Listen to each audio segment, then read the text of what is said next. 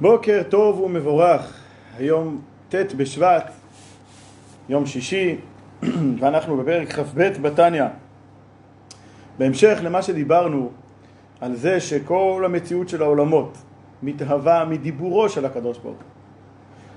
ודיבורו של הקדוש ברוך הוא הוא לא כמידת בשר ודם, שבמידת בשר ודם הדיבור יוצא מהאדם ונפרד ממנו, לעומת זאת הדיבור האלוקי הוא תמיד נשאר מאוחד בו, כמו זיו השמש כפי שהוא כלול בשמש, כמו טיפה מהאוקיינוס כפי שהיא באוקיינוס והיא לא עולה בשם אינדיבידואלי כטיפה, אלא אנחנו אומרים הנה אוקיינוס.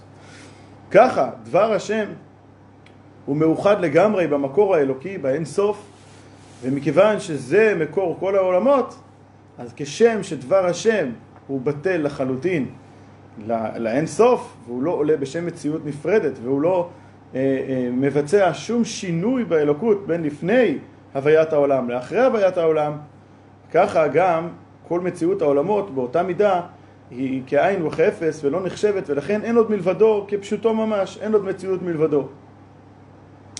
אז למה בכל זאת אנחנו קוראים להוויית העולמות בשם דיבורו של הקדוש ברוך הוא? אם בעצם אין כאן את התכונה שיש אצלנו בדיבור, ולהפך, כל מה שהסברנו בפרק הקודם זה להגיד שלא כמידת בשר ודם, שכאן הדיבור האלוקי לא נפרד ממנו, בשונה מהדיבור של האדם. אז למה אנחנו קוראים לזה בכלל דיבור?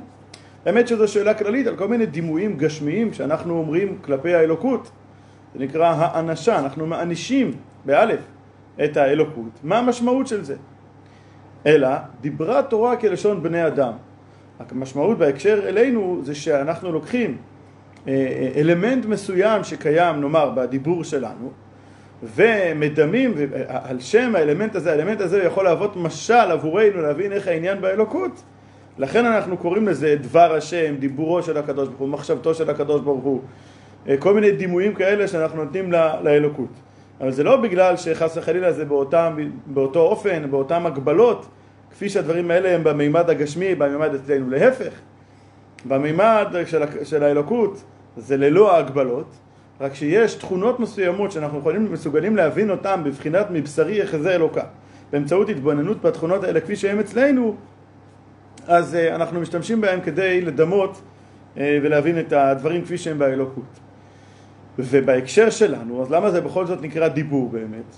כי אכן, אכן באמצעות הפעולה הזאת שעשה הקדוש ברוך הוא, של הדיבור, של זה שהוא מהווה את העולמות בדיבורו, שזה על ידי צמצומים רבים ועצומים, אז אכן על ידי זה מתאפשרת המציאות הזאת של נבראים שחשים את עצמם בתודעה הבסיסית שלהם, חשים את עצמם מציאות נפרדת, כאילו חס וחלילה יש מלבדו.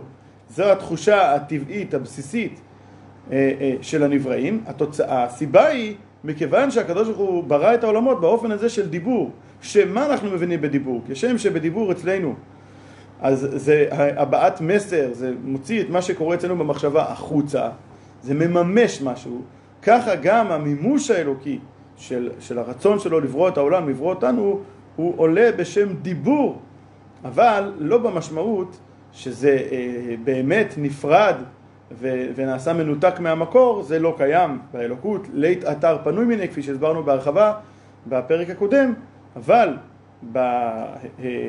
בהיבט הזה שאכן באמצעות הדיבור נעשה כאן מימוש של הבריאה ויש כאן התייחסות למציאות שחשה את עצמה זולתית וזה עולה התואר אה, דיבור. על זה הוא יגיד שדיברה תורה כלשון בני אדם לקרוא לדבר השם להוויית העולמות בשם דיבור. וכתוצאה מכך, כתוצאה מאותם צמצומים שעשה הקדוש ברוך הוא בעצמו כדי להוות עולם ומציאות שהיא כביכול בתחושתה נפרדת אז לכן יש אה, אה, מקום למה שנקרא לקליפות והסטרחה, דברים שבעצם בהווייתם לא רק שהם לא מרגישים שהמקור שלהם זה דבר השם, אלא הם מכחישים את זה, זה כתוצאה מצמצומים רבים עד שהם מקבלים את החיות שלהם ממקום אה, ובחינה שנקראת בחינת אחוריים של האלוקות, כפי, שנסביר, כפי שהוא יסביר את זה כאן בפרק מיד. פרק כ"ב, רק למה אנחנו אומרים על הוויית העולמות שזה בדבר השם שמיים נעשו, רק שהתורה דיברה כלשון בני אדם, ונקרא בתורה דיבורו של מקום ברוך הוא בשם דיבור ממש כדיבורו של אדם. למה? לפי שבאמת כך הוא, יש פה את האלמנט הזה, את העניין הזה של דרך ירידת והמשכת החיות לתחתונים בצמצומים רבים ועצומים מינים ממינים שונים. כלומר יש אה, צמצום שזה כמו שדיברנו אתמול שהרב מצמצם את ההסברה שלו במשל אז בסדר, אז, אז התלמיד באמת תופס בעיקר את המשל אבל דרך המשל הוא מגיע, הוא מגיע למקור, הוא מגיע לנמשל, הוא מבין את הנמשל יש צמצומים רבים ועצומים שזה כל כך מסתיר על המקור שהוא נעלם לחלוטין ובשונה מהנבראים סתם שיכולים כן על ידי התבוננות לזהות ולהכיר במקור האלוקי שלהם. יש כאלה ברואים, יש כאלה בחינות כמו הקליפה וסטרי אחרא, שכל ההוויה שלהם היא לכסות לחלוטין ולא לזהות שום מקור, שום קשר למקור לאין סוף האלוקי. להיברות מהם ברואים רבים ממינים ממינים שונים. וכל כך גברו ועצמו הצמצומים והסתר פנים העליונים, עד איפה זה מגיע? עד שיוכלו להתהוות ולהיברות גם דברים טמאים וקליפות וסטרא אחרא ולקבל חיותם וקיומם מדבר השם ורוח פיו יתברך, איך, באיזה אופן הם מקבלים את החיות? הרי אנחנו אומרים שהם כל כך רחוקים וזה בחינות שמעלימות על האלוקות, אז איך הם מקבלות את החיות מהאלוקות? אז בהסתר פנים וירידת המדרגות. באמת דרך קבלת החיות שלהם היא על ידי הסתר פנים וירידת המדרגות ולכן נקרא אלוהים אחרים. מה זאת אומרת? מה, מה המשמעות של זה? זה בפשט, זה שאחרים, יש כאלה עובדי עבודה זרה, כשמדובר על עבודה זרה, אז אחרים קוראים לזה אלוקות בשקר, בטעות. כאן המשמעות זה שהקליפות והסטרא אחרא מקבלות ויונקות את החיות שלהם מהאלוקות, באיזה אופן? באופן של אחרים, באופן מלשון אחוריים. ולכן נקרא אלוהים אחרים מפני שיניקתם וחיותם אינם מבחינת פנים, אלא מבחינת אחוריים דקדושה. כעת נסביר את המושג, מה זה אחוריים דקדושה. יש באופן כללי, ברצון של אדם יש שלוש מדרגות. יש פנימיות הרצון, יש חיצוניות הרצון, ויש אחוריים של הרצון. מה זאת אומרת? בן אדם קם בבוקר והולך, אתה פוגש אותו, ממהר אל החוץ, אתה שואל אותו, מה אתה רוצה? מה, לאן אתה רוצה להגיע? הוא אומר לך, אני רוצה להגיע לעבודה. אוקיי, הוא רוצה להגיע לעבודה. למה הוא רוצה להגיע לעבודה? כי הוא רוצה להביא פרנסה הביתה. אוקיי, אז הנה, פרנסה הביתה, זה נקרא פנימיות הרצון. זה הרצון הפנימי שלו, זה המכוון, זה המטרה. בדרך יש רצון חיצוני, שאם הוא היה יכול להישאר בבית ולהרוויח כסף, אז הוא יכול להיות שהוא היה שמח. אבל הוא מבין שהדרך שלו כעת להשיג את פרנסת בני ביתו זה ללכת לעבודה. אז בחיצוניות הרצון הוא רוצה ללכת לעבודה, אבל המטרה הפנימית זה לא התכלית, לזה לכשעצמו הוא לא היה הולך, הוא לא היה רוצה. הרצון בעבודה זה בגלל מה שהוא יפיק על ידי זה, וזה את ההכנסה, את המשכורת שתהיה לו לפרנסת בני ביתו.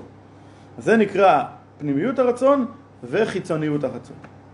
אבל עדיין, גם בחיצוניות הרצון, יש לבן אדם בזה אה, אה, חיות בדבר הזה, הוא עושה את זה, יש הרבה, הרבה אנשים זוכים לעבוד בעבודה שהם נהנים ממנה ומוצאים בה בעצמה סיפוק, ונכון נכון שהמטרה העוד יותר פנימית זה ההשתכרות שלהם על ידי העבודה, אבל גם בעבודה עצמה יש להם חיות, הנאה, סיפוק, אז אפילו בחיצוניות הרצון יש, יש, איזשהו, אה, יש פה איזושהי אנרגיה, יש פה איזשהו, איזושהי חיות בדבר הזה. לעומת זאת, מה קורה כשבן אדם נכפה לעשות משהו מסוים? הוא לא רוצה לעשות אותו בשום אופן. אה, לא, לא באופן פנימי וגם לא באופן חיצוני, רק אין לו ברירה. נגיד, אפילו במסגרת העבודה, לפעמים יש דברים מסוימים שבן אדם מאוד מאוד מאוד לא, לא רוצה ולא אוהב לעשות אותם, אבל אין לו ברירה והוא עושה אותם. זה נקרא בחינת אחוריים דרצון. למה? כי זה בדיוק ההפך מפנימיות הרצון. פנימיות זה מלשון פנים. כשאדם מראה פנים, אז הפנים הן משקפות את מה שקורה אצלי בפנים. זה לא סתם שהן נקראות פנים, פנים זה מייצג את מה שקורה אצלי בפנים. לעומת זאת, כאשר אני עושה פעולה שאני מאולץ לעשות אותה, אז הביטוי הפיזי של החוסר רצון הנפשי בא, מתבטא בכך שאני לא מראה את הפנים שלי. כמו מישהו שנותן דבר למישהו והוא כובש את פניו בקרקע. או יותר מזה, כמו שיגיד כאן, שהוא זורק לו מאחורי הגב, אפילו לא רוצה להראות לו את הפנים. אז ככה יש כביכול באלוקות יש אה, אה, חיות שהיא חיות פנימית, שזה הארת פנים ואיך שהאלוקות מתגלה ומעניקה חיות למי שהיא חפצה. לעומת זאת, יש מקרה ויש כאלה הקליפות והסטרא אחרא שכביכול הקדוש ברוך הוא נאלץ לתת להם חיות. והסיבה שהוא נאלץ לתת להם חיות זה בשביל הבחירה בין טוב לרע. אילולא היו כוחות של קליפה בסטרא אחרא, אילולא היה מאבק והתמודדות, אז לא היה, לא היה, כל העניין הזה של בחירה בין טוב לרע ושכר ועונש לא היה רלוונטי. כדי שזה יהיה רלוונטי אז יוצר הקדוש ברוך הוא את הכוחות האלה שהם מעלימים על הקדושה, שהם מה שנקרא סטרא אחרא, צד אחר, וכדי שהם יתקיימו צריך לתת להם חיות, אבל איך נותנים להם חיות? בבחינת אחוריים. זה המשמעות בחינת אחוריים, אה, בחוסר רצון, בחוסר חשק, וכביכול מתוך אה, אילוץ מסוים. בואו נראה את הדבר. ולכן נקרא אלוהים אחרים, מפני שיניקתם וחיותם אינם מבחינת פנים, אלא מבחינת אחוריים דקדושה. ופירוש אחוריים, כאדם הנותן דבר לשונאו שלא ברצונו. שמשליכו לו כלאחר כתפו, כי מחזיר פניו ממנו משנאתו אותו. כך למעלה יש בחינת פנים. בחינת פנים הוא פנימיות הרצון, פנימית הרצון העליון וחפצו האמיתי, אשר חפץ השם להשפיע חיות לכל הקרוב אליו מסדרה דקדושה. זה פנימיות הרצון. אבל הסטרא אחרא והטומאה, שהיא, היא תועבת השם אשר שנא, ואינו משפיע על החיות מפנימיות הרצון וחפצו האמיתי אשר חפץ בה, חס וחלילה, כי אם כמן דשדי בתר כתפוי, כאדם שמשליך מאחורי כתפו, מאחורי גבו, לשונאו, שלא ברצונו, רק מה הסיבה שהקדוש ברוך הוא עושה את זה? כדי להעניש את הרשעים על בחירתם הרעה, וליתן שכר טוב לצדיקים, ולתת שכר טוב לצדיקים, אלה שכופים את הסטרא אחרא, דאיקפיאן לסטרא אחרא, וזה נקרא בחינת אחוריים דרצון העליון ברוך הוא. זה הכוונה, אלוהים אחרים, המשמעות של אחוריים, שכוחות, הטומאה והסטרא אחרא מקבלים את החיות שלהם מבחינת אחוריים בקדושה, כפי שהסברנו, שזה אה, לא פנימיות הרצון, לא חיצוניות הרצון, אלא ממש כמו אילוץ, בלית ברירה, בשביל, כמו שאמרנו, לתת, להעניש את הרשעים על בחירתם הרעה ולתת שכר טוב לצדיקים. צדיקים זה לאו דווקא הכוונה צדיק, כמו שלמדנו כאן, צדיק וטוב לו, צדיק ורע לו, אלא הכוונה כל אלה שכופים את הסטרא אחרא, גם אנחנו, בכל מעשה ומעשה שלנו, כאשר אנחנו עושים מתקפיה וכופים את הסטרא אחרא, אז אנחנו מקבלים על זה שכר, וזה אנחנו מתקשרים עם האלוקות, ולשם כך הקדוש ברוך הוא מעניק חיות באופן של אה, אחוריים לאותם אה, אה, גורמים של קליפות וסטרא אחרא כדי שאנחנו נבחר בטוב. עד כאן להיום, שבת שלום ובשורות טובות.